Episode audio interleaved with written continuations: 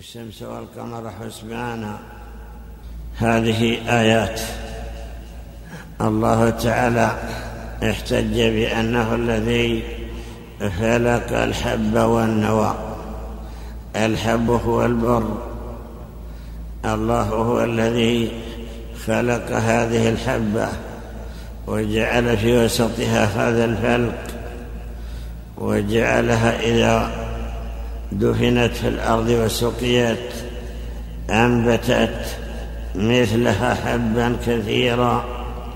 لا يستطيع أحد أن يخلق مثلها في طعمها وفي طبيعتها وفي أنها تبذر وتنبت. وهكذا النوى الذي هو نوى التمر.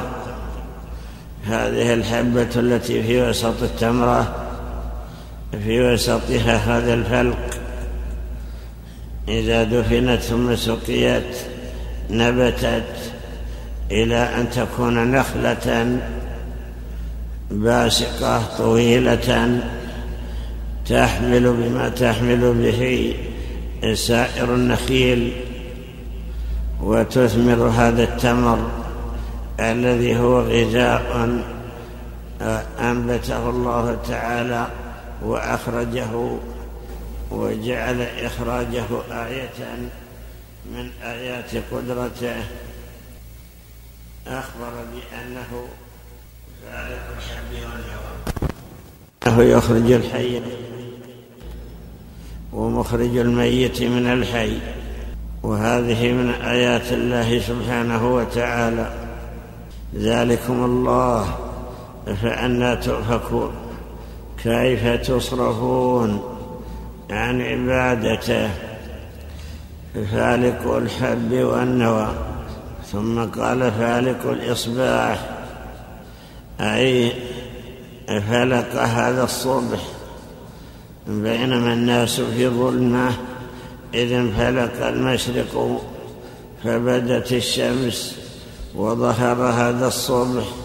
الذي هو ضياء يضيء على الأرض آية من آيات الله وجعل الليل سكنا جعل من آياته ظلمة الليل ليسكنوا وليطمئنوا فيه وليريحوا أنفسهم بعد التعب الذي يتعبونه والتقلب الذي يتقلبونه طوال نهارهم فجعل الليل سكنا.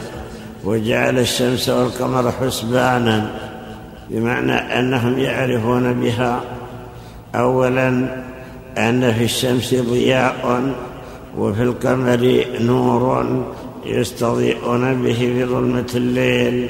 وثانيا أنه حسبان يعرفون به حسابهم حساب الشمس أو الشمس يعرف بها الشهر والسنة. يعرف بها اليوم والأسبوع وأما القمر فيعرف به الشهر والسنة والسنوات. هذا معنى قوله والشمس والقمر حسبان ذلكم الله. يعني أن ذلك هو تقدير الله العزيز العليم. ذلك تقدير العزيز العليم. ثم قال وهو الذي جعل لكم النجوم لتهتدوا بها في ظلمات البر والبحر. أي من آياته خلق هذه النجوم وتسييرها. وقد مر بنا أن الله تعالى خلقها لثلاث زينة للسماء وعلامات يهتدى بها ورجوما للشياطين فمن تأول فيها غير ذلك أخطأ وأضاع نصيبه وتكلف ما لا علم له به. ومع ذلك فإن فيها عبرة وعظة وفيها عظة منافع. ففي طلوعها وغروبها آية وذلك لأن سيرها أسرع من سير الشمس فإنك تشاهد نجم الثريا مثلا في الصيف يطلع مع الشمس ثم لا يزال يسبقها شيئا فشيئا. كل يوم يسبقها بمرحلة إلى أن يأتي زمن الشتاء. إذا طلعت الشمس وإذا الثريا قد غربت وفي بعض في فصل الخريف إذا طلعت الشمس وإذا الثريا في وسط السماء بمعنى أنها سائرها أسرع من سير الشمس وهكذا بقية النجوم. التي هي المنازل سيرها أسرع من سير الشمس. وجعل الله تعالى سير القمر أبطأ من سير الشمس فالقمر يتأخر عن الشمس في كل يوم مرحلة إلى أن تدركه في آخر الشهر. عند تمام ثلاثين يوما أو تسعين يوما يبتدئ, يبتدئ في نهاية قصره ونهاية صغره والتصاقه وقربه من الشمس. ففيها آيات وعبر لمن اعتبر بها حيث تشاهد هذه النجوم سواء نجوم المنازل التي ينزل القمر كل يوم في واحدة يعني القمر ينزل في كل ليلة من الشهر في منزلة. فمثلا يطلع مع الشمس يطلع مع الثريا وفي اليوم الثاني يطلع مع الدبران وفي اليوم الثالث يطلع مع الهقعة وفي اليوم الرابع يطلع مع الهنعة. وفي اليوم الخامس يطلع مع الطرف أو مع نوع الزبرة وهكذا إلى أن ينتهي الشهر. كل ليلة يطلع مع نجم من هذه النجوم مع أنها متفاوتة يعني بعضها في الجهة الشمالية وبعضها في الجهة الجنوبية فالطرف الذي هو نجم سهيل في جهة اليمن والثريا في جهة أو تقرب من جهة الشام ومع ذلك القمر يحاذي كل ليلة يحاذي واحدا من هذه المنازل. وهكذا منازل القمر في الشتاء التي هي الإكليل آه، يوما والقلب ثم الشولة وهكذا. وكذلك بقية النجوم التي لا تعد من المنازل. لا شك أن أن سيرها سائرا منتظما سائرا معتدلا.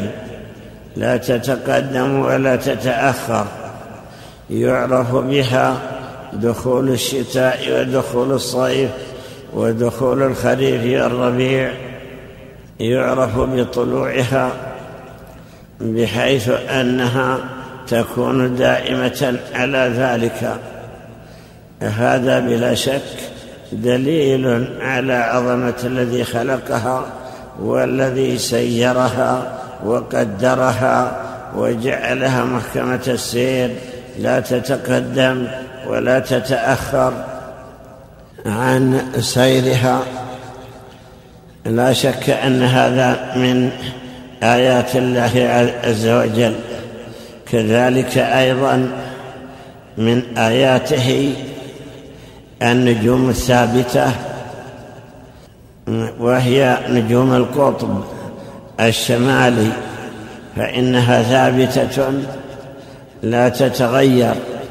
القطب الذي هو الجبي لا يتحرك من موضعه إلا قليلا وحوله يدور نجمان يقال لهما الفرقدان يدوران حوله ولا يتعديانه كدوران الرحى. وحوله أيضا بنات النعش تدور أيضا حوله وهي سبع هجمات أربع منها كهيئة النعش تدور حوله ولكن دورة بعيدة. فكل ذلك دليل على أن الله الذي خلقها أنه جعلها آية وعبرة لمن يعتبر ولمن يتعظ ويتذكر إذا رأى ما فيها من الآيات يعني كونها تسير سيرا محكما لا تتقدم ولا تتأخر. كذلك أيضا ما يشاهد من هذه الشهب التي تنقض من السماء. تكثر أحيانا وتقل.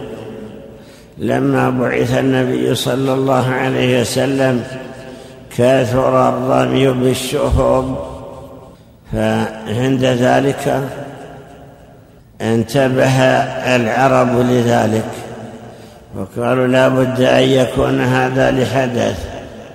ثم نظروا أو سألوا بعض رؤسائهم وأكابرهم.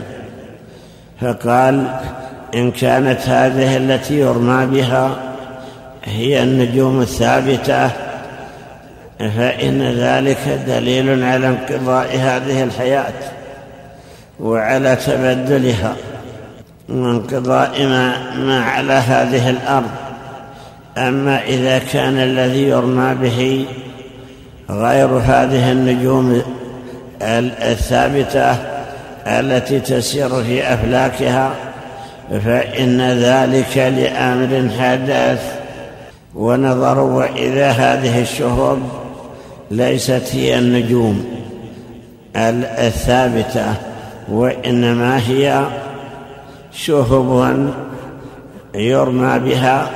يمكن أنها تنفصل عن تلك النجوم. ينفصل عنها تلك الشهب. ولهذا ذكر الله أن هذه النجوم رجوما للشياطين في قوله تعالى انا زينا السماء الدنيا بزينة الكواكب وحفظا من كل شيطان مارد إلا من استرق السامع فأتبعه شهاب ثاقب.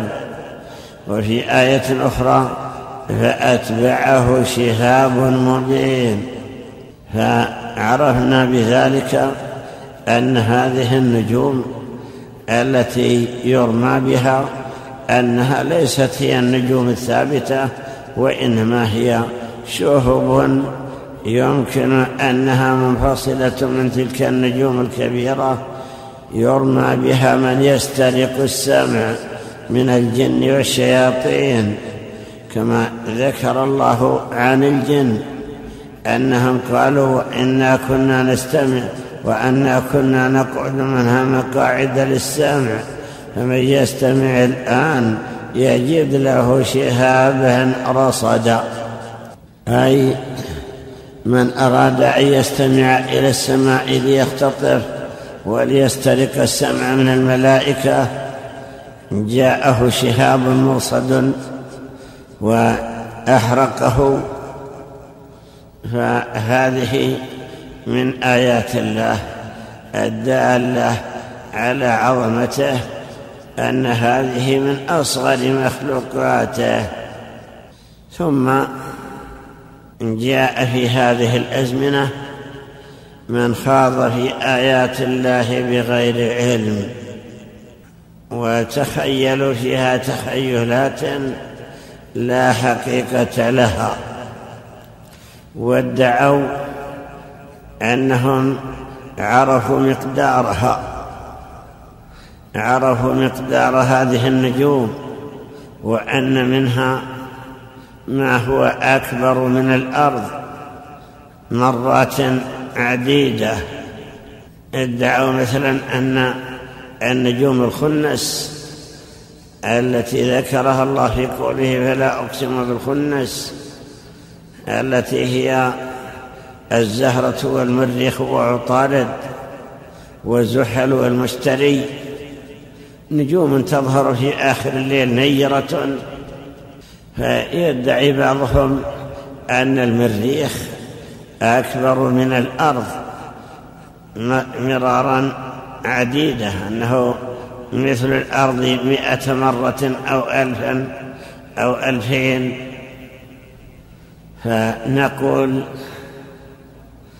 من الذي أطلعكم؟ أنتم مخلوقون في الأرض فكيف وصلتم إلى هذه الأفلاك؟ وكيف قستموها؟ وعرفتم مقدار هذا المريخ أو مقدار هذه الزهرة أو العطارد أو المشتري أو زحل أو الشمس أو القمر. الله تعالى أخبر بأنهم مخلوقون. أخبر تعالى بأنه خلق الإنسان في هذه الأرض وأن نهايته إليها. قال الله تعالى منها خلقناكم وفيها نعيدكم ومنها نخرجكم تارة أخرى. وقال تعالى قال فيها تحيون وفيها تموتون ومنها تخرجون. وإذا كانوا مخلوقين من الأرض وفيها يموتون ويعودون فكيف يصلون إلى الملأ الأعلى؟ وكيف يعلمون الأفلاك العلوية؟ وكيف يقدرون المساحة التي لم يرد تقديرها؟ وكيف وصلوا إلى قياس هذه الأفلاك وعرفوا حجمها؟ لا شك أن هذا كله تدخل في العلم الذي لا يعلمه إلا الله. الله تعالى هو الذي يعلم الغيب ويعلم هذه المخلوقات والذي قدرها وقدر سيرها وجعلها آية حيث أن الناس ينظرون إليها.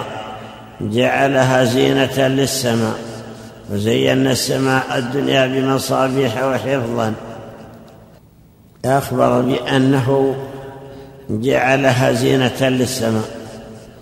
وأما أن البشر يقدرون مقدارها ويذكرون مساحتها وكبرها فهذا لا يعتمد وليس هناك دليل شرعي يرجع إليه في تقديرها. فإذا عرفنا ذلك فإنما نقول إنها آيات من آيات الله التي نصبها لعباده ليعتبروا بها وفيها منافع يعرف بها الحساب ويعرف بها أوقاتهم ويعرف بها حساب الشتاء والصيف وأوقات البذورات وأوقات الحصاد وما أشبه ذلك فيعرفونها بهذه النجوم ويعرفونها أيضا بهذه البروج التي أخبر بأنها في السماء. في قوله تعالى والسماء ذات البروج وفي قوله وفي قوله تعالى وهو الذي جعل في السماء بروجا تبارك الذي جعل في السماء بروجا وجعل فيها سراجا وقمرا منيرا. البروج هي منازل الشمس. أي أن الشمس تنزل في كل برج شهرا أي شهرا شمسيا. وإذا جمعت تلك الأيام واستدارت بحيث مرت الفصول الأربعة وهي وهي الشتاء والصيف والربيع والخريف. وإذا السنة قد كملت السنة الشمسية وذكرت أسماء البروج فيما أثر البروج الاثنى عشر ذكرت في بعض الروايات أنها اثنى عشر نظمها بعضهم بقوله حمل الثور جوزة السرطان ورعى الليث سنبلة الميزان ورمت عقرب بالقوس جاديا. وارتوى الدلو من بركة الحيتان. فهذه منازل الشمس. وأما منازل القمر التي ذكرها الله في قوله والقمر قدرناه منازل فهي منازله التي هي النجوم التي هي ثمانية وعشرون منزلة يختفي إذا كان الشهر كاملا ليلتين وإن كان ناقصا ليلة فهذه هي المنازل وهي منازل الشمس والقمر. من العلماء من كره تعلمها مخافة أن يكون التعلم وسيلة أو سببا في اعتقاد أنها مؤثرة أن تلك النجوم تؤثر في الكون. وأنها هي التي تحدث هذه الأشياء. ولكن رخص فيها كثير من العلماء لفائدة معرفة الشتاء ووقته والصيف ووقته وما أشبه ذلك.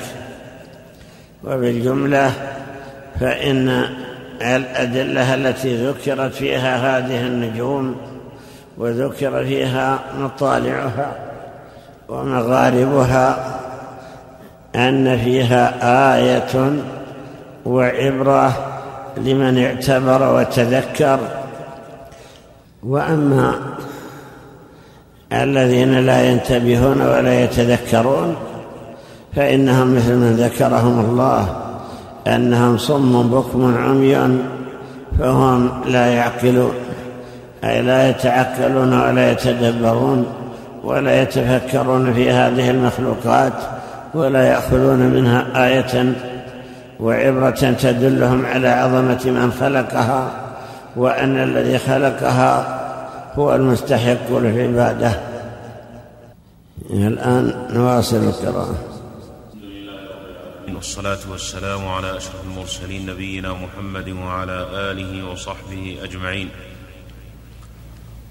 قال رحمه الله تعالى ذكر السحاب وصفته. قال حدثنا عبد الرحمن بن محمد بن إدريس وإبراهيم بن محمد بن الحسن قال حدثنا أبو سعيد الأشج.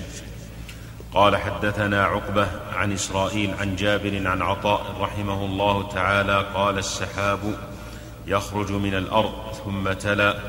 الله الذي يرسل الرياح فتثير السحابة قال حدثنا قاسم بن زكريا المطرز قال حدثنا محمد بن منصور الطوسي قال حدثنا أسيد الجمال قال حدثنا يزيد بن مسلم الكناني عن حبيب بن أبي ثابت عن سعيد بن جبير عن ابن عباس رضي الله عنهما وأرسلنا الرياح لواقح. قال إن الله تبارك وتعالى يبعث, يبعث الريح تحمل الماء من السماء. تمري به السحاب. تدر كما تدر كما تدر اللقحه ولو كانت الريح هي التي تلقح لقال الله عز وجل وأرسلنا الرياح ملقحات. قال حدثنا قاسم بن زكريا قال حدثنا محمد بن منصور قال حدثنا أسيد قال حدثنا يزيد بن مسلم عن الأعمش عن أبي صالح عن أبي هريرة رضي الله عنه عن النبي صلى الله عليه وسلم قال قال القاسم سألت محمد بن منصور فقلت عن النبي صلى الله عليه وسلم مثله. قال لا أدري وقيل لي إنه في كتابه صحيح. قال حدثنا العباس بن حمدان قال حدثنا محمد بن معمر. قال حدثنا سعيد عن قتادة رحمه الله تعالى قال ذكر لنا أن رجلا سأل علي رضي الله عنه عنه فالحاملات وقرا؟ قال السحاب. قال حدثنا العباس قال حدثنا محمد بن معمر قال حدثنا روح قال حدثنا شبل عن ابن عن ابن أبي نجيح عن مجاهد رحمه الله تعالى فالحاملات وقرا قال السحاب تحمل المطر. قال حدثنا الوليد بن أبان قال حدثنا أبو حاتم قال حدثنا يحيى بن صالح الوحاضي. الوحاضي قال حدثنا سليمان بن هلال قال حدثنا أسامة بن زيد عن معاذ بن عبد الله بن خبيب الجهني. قال رأيت ابن عباس رضي الله عنهما مر على بغلة وأنا في بني سلمة فمر به تبيع فمر به تبيع بن مرة ابن امرأة كعب فسلم على ابن عباس فقال له ابن عباس هل سمعت كعبا يقول في السحاب شيئا؟ قال نعم. كان يقول السحاب غربال المطر ولولا السحاب حين ينزل المطر حين ينزل الماء من السماء لأفسد ما يقع عليه من الأرض. قال سمعت كعبا يقول في الأرض تنبت العام نباتا وتنبت عاما قابلا غيره. قال نعم سمعته يقول إن البذر ينزل من السماء. قال ابن عباس رضي الله عنهما وأنا قد سمعت ذلك من كعب. قال حدثنا الوليد قال حدثنا أبو طاهر سهل بن الفرخان. قال حدثنا الفرج بن عبد الملك بن مناس قال حدثتني أمي أم عبد الله بن بنت خالد بن معدان. عن أبيها خالد بن معدان أنه كان يقول إن في الجنة شجرة تثمر السحاب فالسوداء منها الثمرة التي قد نضجت التي تحمل المطر والبيضاء الثمرة التي لم تنضج لم تنضج ولا تحمل المطر. قال حدثنا الوليد قال حدثنا محمد بن عمارة قال حدثنا إسحاق بن سليمان قال حدثنا أبو سنان عن حبيب بن أبي ثابت عن عبيد بن عمير رحمه الله تعالى قال يبعث الله عز وجل المبشرة فتقم الأرض قما. ثم يبعث الله عز وجل المثيرة فتثير السحاب. ثم يبعث الله عز وجل المؤلفة فتؤلفه ثم يبعث الله عز وجل اللواقح فتلقح السحاب ثم قرأ عبيد وأرسلنا الرياح لواقح قال الريح لواقح. قال حدثنا أحمد بن الحسن بن عبد الجبار قال حدثنا يحيى بن معين قال حدثنا عباد بن العوام قال حدثني موسى بن محمد بن الحارث التيمي. عن أبيه قال قال رسول الله صلى الله عليه وسلم في يوم دجن كيف ترون بواسقها؟ قالوا ما أحسنها وأشد تراكمها قال كيف ترون قواعدها قالوا ما أحسنها وأشد تمكنها قال كيف ترون جونها قالوا ما أحسنه وأشد سواده قال كيف ترون رحاها استدارت؟ قالوا نعم ما أحسنها وأشد استدارتها قال ما أحسن برقها أخفوا أو, أو, أو وميضا. أم يشق شقا؟ قال بل يشق شقا. قال الحياء فقال أعرابي يا رسول الله. ما أفصحك أو ما رأينا من هو أعرب منك. قال حق لي وإنما نزل القرآن على لساني بلسان عربي مبين. قال حدثنا إبراهيم بن محمد بن الحسن قال حدثنا إسحاق بن سنان قال حدثنا عبيد الله بن إسماعيل. عن عباد بن عباد عن إبراهيم بن محمد بن طلحة التيمي عن أبيه عن جده رضي الله عنه قال كان النبي صلى الله عليه وسلم جالسا في أصحابه فذكر الحديث. قال عباد الوميض شبه الطود السريع والخفو الذي يكون بين السحابين والذي يشق شقا يعترض في الأفق. قال حدثنا أبو بكر الفريابي قال حدثنا أبو الاصبغ عبد العزيز بن يحيى الحراني قال حدثنا محمد بن سلمة عن محمد بن إسحاق عن محمد بن يحيى بن حبان الاعرج عن حميد عن حميد بن عبد الرحمن عن الغفاري. قال وحدثنيه عبد الواحد بن أبي عون عن سعيد بن إبراهيم.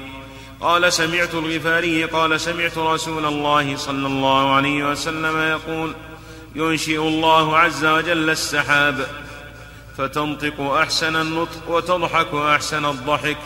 قال حدثنا أحمد بن عبد ابن عمر قال حدثنا عبد الله بن محمد عن سليمان بن داود الهاشمي قال سألنا سألنا إبراهيم بن سعد عن هذا فقال المنطق الرعد والضحك البرق. قال عبد الله بن محمد بن زكريا قال حدثنا سلمة قال حدثنا أبو المغيرة قال صفوان. حدثنا أبو المثنى رحمه الله تعالى قال إن الله عز وجل اطلع إلى أرضه بعد الطوفان. وقد بث فيها خلقه حتى طلع إلى حتى طلع إلى دقائق الدواب إلى دقاق الدواب التي كانت تحت الحجارة تسبح باسمه ووكل الأرض بأرزاق خلقه فقال له فقالت له الأرض أرويني من الماء ولا تنزل علي ولا تنزله علي منهمرا كما نزلته علي يوم الطوفان. وشققني وجددني قال سأجعل لك السحاب غربالا. قالت رب فإني أخشى الرعد حين أسمع صوته وأظن أنها الساعة وأن أمرك من أمر الساعة قريب. قال فإني سأجعل لك أمارة بين يدي الرعد. إذا رأيت الرعد فشددي أركانك للرعد. قالت فإنها لتشد حين ترى البرق كما يخاف الرجل عن الشيء يهابه. قال حدثنا أحمد بن عمر قال حدثنا عبد الله بن عبيد قال حدثنا أبو بكر بن جعفر قال حدثنا كثير بن هشام قال حدثني عيسى بن, بن إبراهيم عن عبد الرحمن بن جابر عن عمير بن هان عن ابن عباس رضي الله عنهما قال السحاب الأسود فيه المطر والأبيض فيه الندى وهو الذي ينضج الثمار. قال حدثنا أحمد بن عمر قال حدثنا عبد الله بن عبيد قال حدثنا محمد بن يحيى الأزدي قال حدثنا محمد بن عمر قال حدثنا عبد الحكيم بن عبد الله بن أبي فروة قال سمعت عوف بن الحارث يقول سمعت عائشة رضي الله عنها تقول سمعت رسول الله صلى الله عليه وسلم إذا نشأت السماء بحرية ثم تشاءمت فتلك عين أو عام غديقة يعني مطرا كثيرا. قال حدثنا إبراهيم بن محمد بن الحسن قال حدثنا أحمد بن سعيد قال حدثنا ابن وهب قال أخبرني عبد العزيز بن محمد بن عمرو ابن أبي ابن عمرو بن أبي عمرو عن الثقة أن النبي صلى الله عليه وسلم قال هذا سحاب ينشئ الله عز ينشئ الله عز وجل فينزل, فينزل الله منه الماء. فما من منطق احسن من منطقه ولا من ضحك احسن من ضحكه وقال رسول الله صلى الله عليه وسلم منطقه الرعد وضحكه البرق منطق السماء وضحكه فيها قال عمرو بن ابي عمرو قال قال حدثنا ابن رستة قال حدثنا عثمان بن سعيد الأنماطي قال حدثنا عبد الرحمن الدشتكي قال حدثنا أبو جعفر الرازي عن قتادة عن الحسن عن أبي هريرة رضي الله عنه قال كنا جلوسا مع رسول الله صلى الله عليه وسلم فمرت سحابة. فقال رسول الله صلى الله عليه وسلم أتدرون ما هذه؟ قالوا الله ورسوله أعلم. قال هذه العنانة. هذه هذه روايا الأرض يسوقها الله عز وجل إلى أهل بلد لا يعبدونه. قال حدثنا العباس بن حمدان وإبراهيم بن متويه قال حدثنا أبو سعيد قال حدثني عقبة عن إسرائيل عن جابر عن عطاء رحمه الله تعالى قال السحاب يخرج من الأرض ثم تلا. الله الذي يرسل الرياح فتثير سحابا. قال حدثنا محمد بن زكريا حدثنا أبو حذيفة عن سفيان رحمه الله تعالى في قوله وينشئ السحاب الثقال قال الذي فيه المطر. قال حدثنا عبد الله بن محمد بن عمران. قال حدثنا ابن, ابن أبي عم ابن أبي عمر. قال حدثنا سفيان في قوله تعالى كانتا رتقا ففتقناهما. قال كانت السماء لا تمطر والأرض لا تنبت. ففتقت هذه بالمطر وهذه بالنبات. وقال آخرون كانتا رتقا إحداهما فوق الأخرى من آيات الله تعالى أن يرسل الرياح وينشئ السحاب وينزل به المطر وينبت به النبات وكلها من آيات الله سبحانه التي يذكر بها عباده. فالرياح من خلق الله تعالى يرسلها تارة للرحمة وتارة للعذاب. ولهذا ورد النهي عن سب الريح أن النبي صلى الله عليه وسلم قال لا تسب الريح فإنها مأمورة ولكن قولوا اللهم إنا نسألك من خيرها وخير ما فيها وخير ما أرسلت به. ونعوذ بك من شرها وشر ما فيها وشر ما أرسلت به. اللهم اجعلها رياحا ولا تجعلها ريحا. كثيرا ما يذكر الله تعالى الرياح بالجمع. وتكون هي الرياح التي تنشئ أو ينشئ الله بها السحب. مثل قول الله تعالى ومن آياته أن يرسل الرياح مبشرات أي تبشر بالرحمة.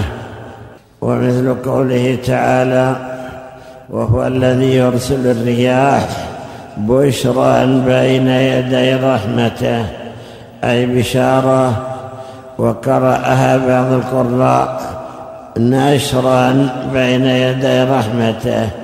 أي أنها تنشر السحاب فينتشر به ومن ذلك أو دليل ذلك قوله تعالى الذي جعل لكم الأرض مهدا وجعل لكم فيها سبلا لعلكم تهتدون والذي نزل من السماء ماء يعني بواسطة هذه الرياح فأخرجنا به نبات كل شيء.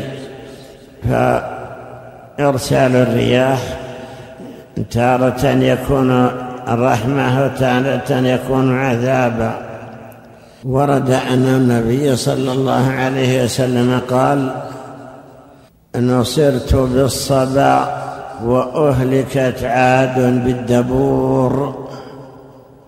الصبا التي تأتي من المشرق والدبور التي تأتي من المغرب.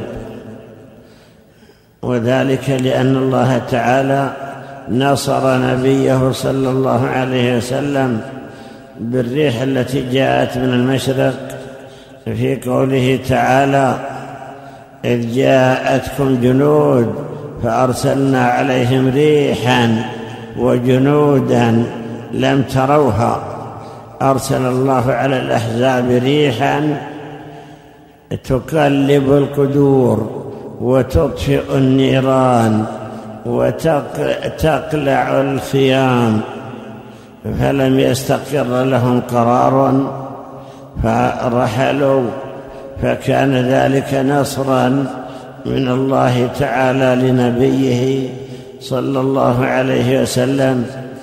وكذلك أهلك بها عادا في قوله تعالى فأرسلنا عليهم الريح العقيم وفي قوله تعالى فأرسلنا عليهم ريحا صرصرا في أيام نحسات وفي آية أخرى في يوم نحس مستمر تنزع الناس كأنهم أعجاز نخل منقعر وأما عاد فاهلكوا بريح صرصر عاتية. فهذه من آثار هذه الريح. أحيانا تكون قوية تقلع الأشجار وتقلع الخيام وتقلع أو تهلك ما أتت عليه كما في ريح قوم عاد. في قول الله تعالى تدمر كل شيء بأمر ربها وتارة تكون رحمة وهي التي ينشئ الله تعالى بها هذه السحب وفيها منافع عظيمة في هذه الرياح منافع كثيرة يقول بعض العلماء لو سكنت الريح ثلاثة أيام متتابعة لأنتن كل ما على وجه الأرض. يعني خاست الأرض وخاس ما عليها وأصبحت منتنة. لا يقرب أحد أو لا, أو لا يقر أحد عليها. ينتن كل ما عليها من الأطعمة ومن اللحوم ومن ومن الثمار وما أشبه ذلك ولكن هذه الريح أو هذه الرياح تصرف روائحها وتزيلها وتبردها حتى لا يسرع إليها الفساد. وكذلك أيضا فيها أنها تثير السحب. ينشئ الله تعالى بها هذه السحب.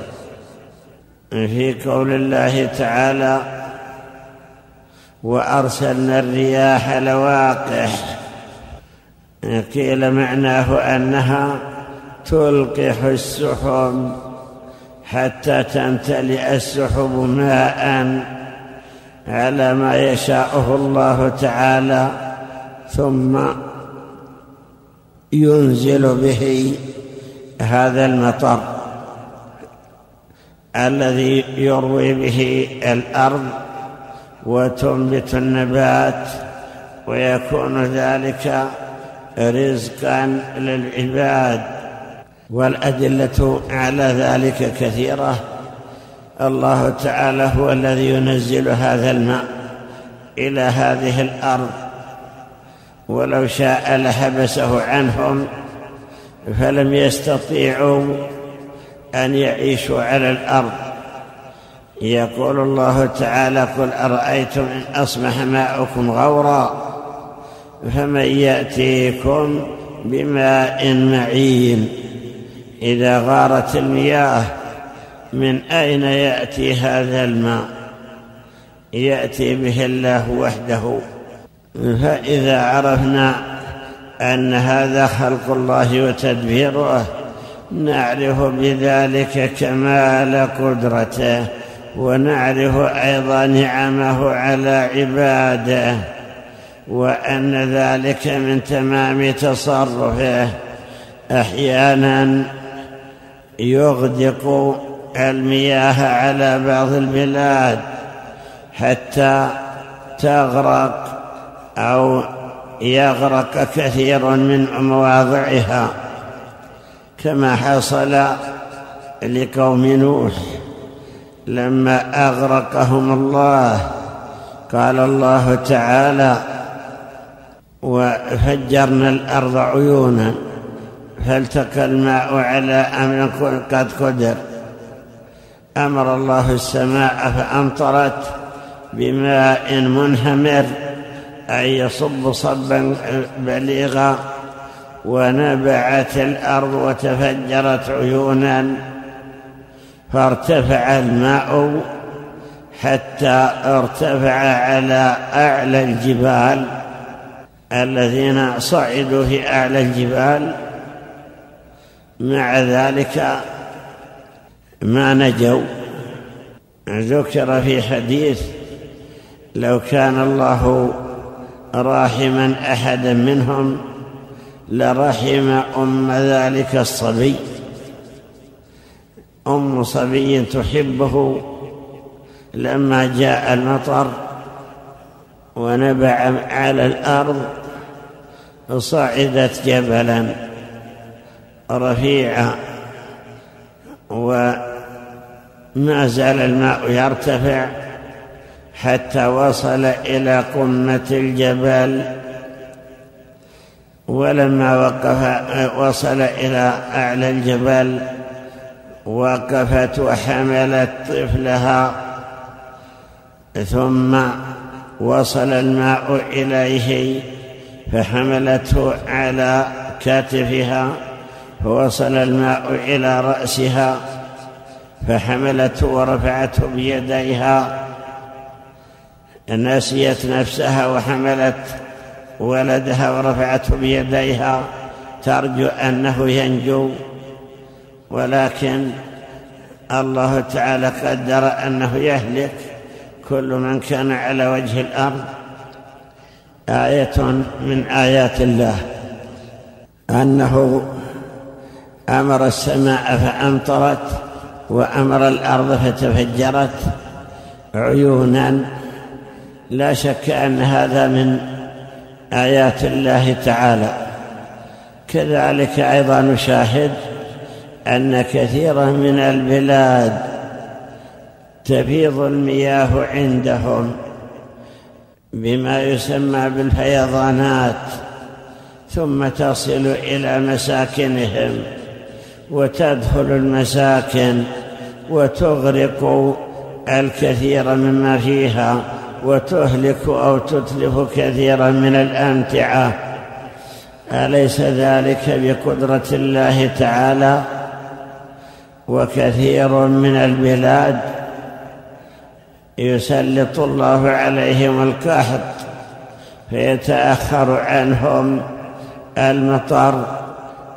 سنين متطاولة حتى تنشف وتجف الأرض وتهلك الدواب والمواشي كما وجد الآن في دولة الحبشة وغيرها من الدول سنوات يتابع الله عليها المطر ويرتفع الماء حتى يكون على وجه الأرض وتجري منه العيون وأحيانا تجف الأرض ولا يبقى فيها نبات ويقل نزول الماء المطر إلى أن لا يبقى فيها نبات لا شك أن هذه آيات من آيات الله تعالى. فالذين يدعون أن هذا أمر طبيعي وأن هذه طبيعة هذه البلاد طبيعة هذه الأرض لا ينزل عليها المطر وطبيعة هذه الأرض ينزل عليها المطر. يرى الطبيعة في الأشياء مؤثرة. أين الطبيعة يا مخذول إذ وجدوا؟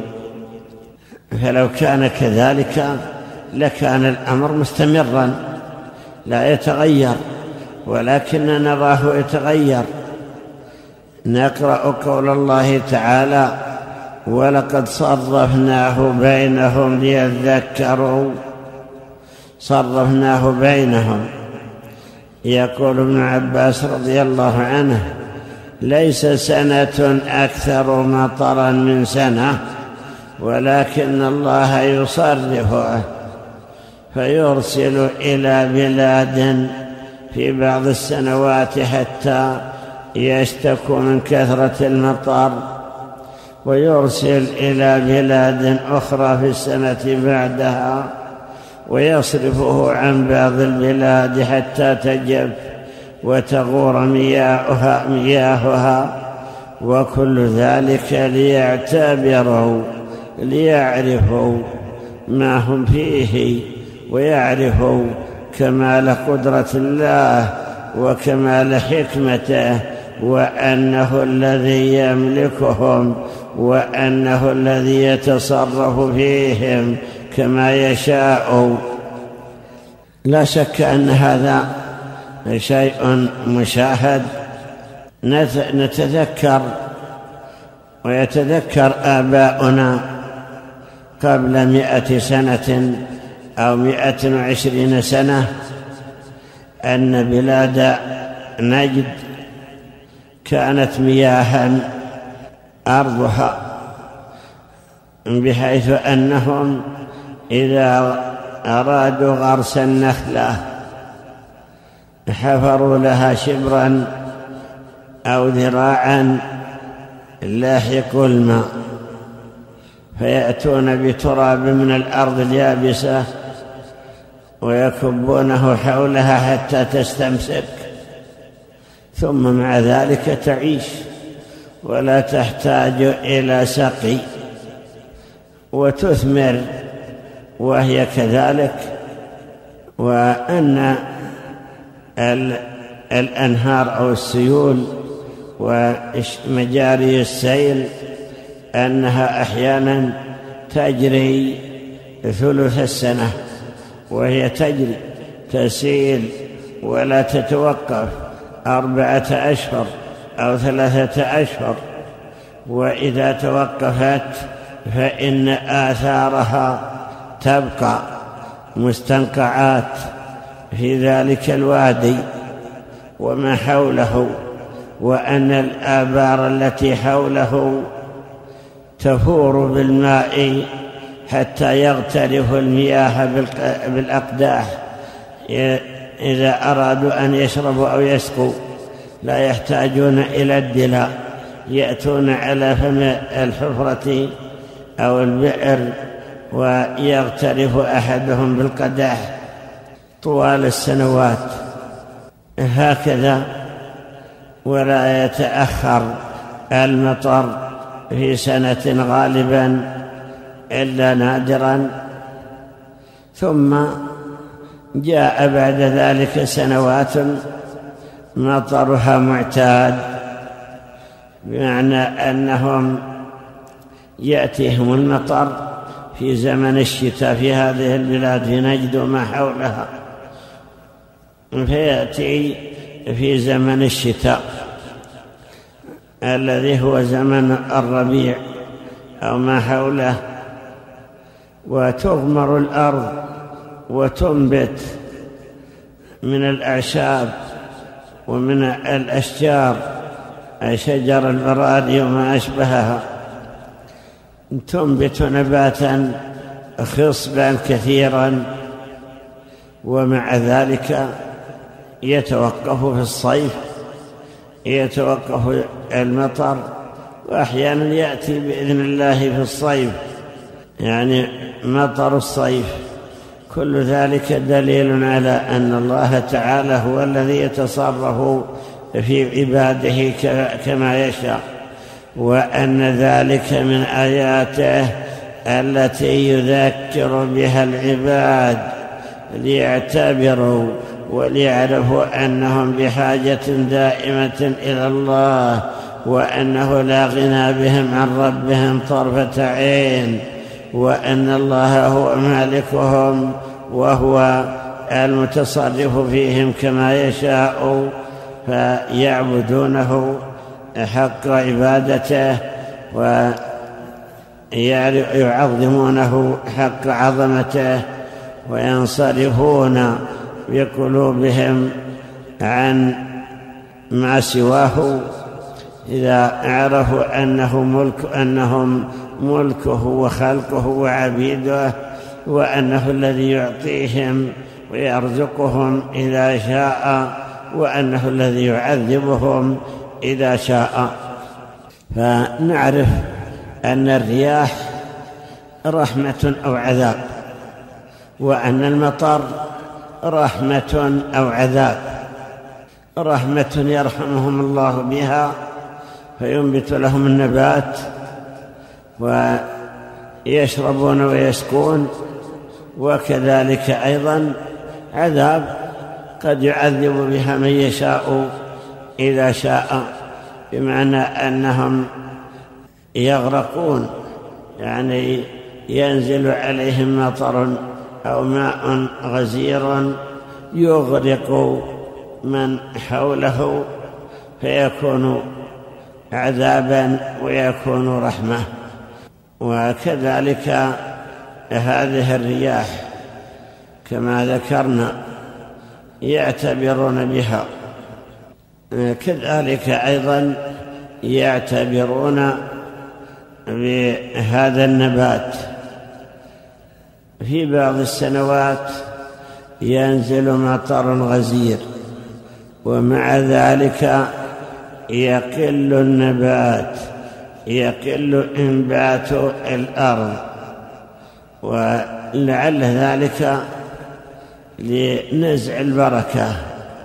الله تعالى أخبر بأن هذا الماء الذي ينزله مبارك في قوله تعالى وأنزلنا من السماء ماء مباركا فأنبتنا به جنات وحب الحصيد وصفه بأنه مبارك ولبركته كما هو مشاهد المطر الذي يسقي الأرض مرة ينبت به النبات ويبقى ذلك النبات من تلك الشربة ثلاثة أشهر أو نحوها حتى البر الذي هو الحنطة إذا بذروه وجاء المطر وغمره وسقاه نبت ذلك الزرع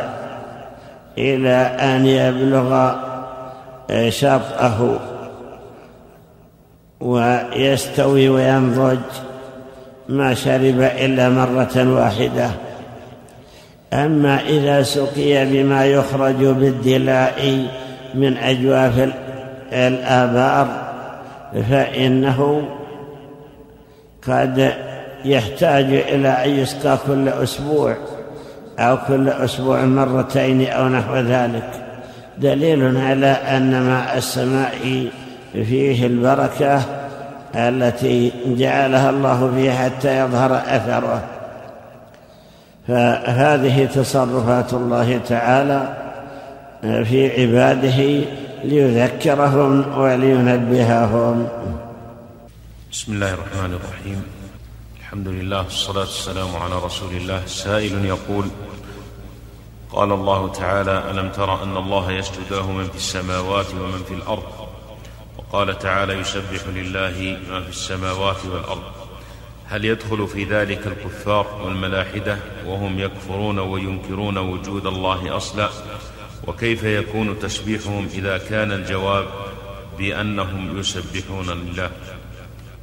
في آية سورة الحج أثبت السجود لبعض الناس في قوله تعالى وكثير من الناس وكثير حق عليه العذاب يعني أن السجود لكثير من الناس والمراد السجود الاختياري السجود الديني. وأما الكفار فسجودهم ذكر الله تعالى أنه سجود الظل في قوله تعالى ولله يسجد ما في من في السماوات والأرض طوعا وكرها وظلالهم. أن يسجد ظل أحدهم. فإذا كان كافرا أو منكرا لربوبية الله أو لإلهيته فإنه يعتبر عبدا ذليلا مسخرا معبدا لله تعالى. الله هو الذي يذله إذا شاء أو يهينه إذا شاء ويمرضه ويفقره ويتصرف فيه وهو لا يقدر على أن يرد تصرف الله عز وجل فيكون بذلك خاضعا لأمر الله تعالى فكأنه خاضع لتصرفه فيكون هذا ذله لله ويطلق السجود على الخضوع والذل لأنه وإن كان الأصل أنه وضع الوجه على الأرض ولكن قد يطلق السجود على التذلل فإن قوله تعالى وإذا قرئ عليهم القرآن لا يسجدون المعنى لا لا يتواضعون ولا يتذللون. فإنه ليس كل من قرئت عليه سورة يجب عليه أن يسجد. وإنما المراد أنهم لا يخشعون ولا يخضعون بل ينفرون ويستكبرون. ما حكم نسبة المطر إلى أن ذلك ناتج عن تبخر البحار ويتكون على إثرها السحاب فيؤدي ذلك إلى هطول المطر؟ فهل هذا صحيح؟ أم أن هذا يخالف سنن الله جل وعلا في الكون؟ ليس بصحيح. الله تعالى هو الذي ينشئ السحاب وهو الذي يرسل الرياح وهو الذي يحمل ذلك السحاب ذلك المطر. ونحن لا نعرف من أين ذلك المطر ومن أين ذلك الماء وكيف ينزل في ذلك السحاب. نشاهد مثلا أو يشاهد الطيارون أنهم يرتفعون فوق السحب مسافة رفيعة وأن السحب تحتهم يكون لها برق ورعد ومطر ولا يحسون بنزول شيء من فوقها إليها ولا يحسون برطوبة إذا خرقت الطائرة تلك السحب لا تحس برطوبة ولا ببلل يصيبها مما يدل على أن الله تعالى هو الذي يخلق ذلك الماء في ذلك السحب ويحمله إياه كما يشاء. جزا الله فضيلة الشيخ خير الجزاء وجعلنا الله وإياكم ممن يستمعون القول فيتبعون أحسنه والله أعلم وصلى الله على محمد.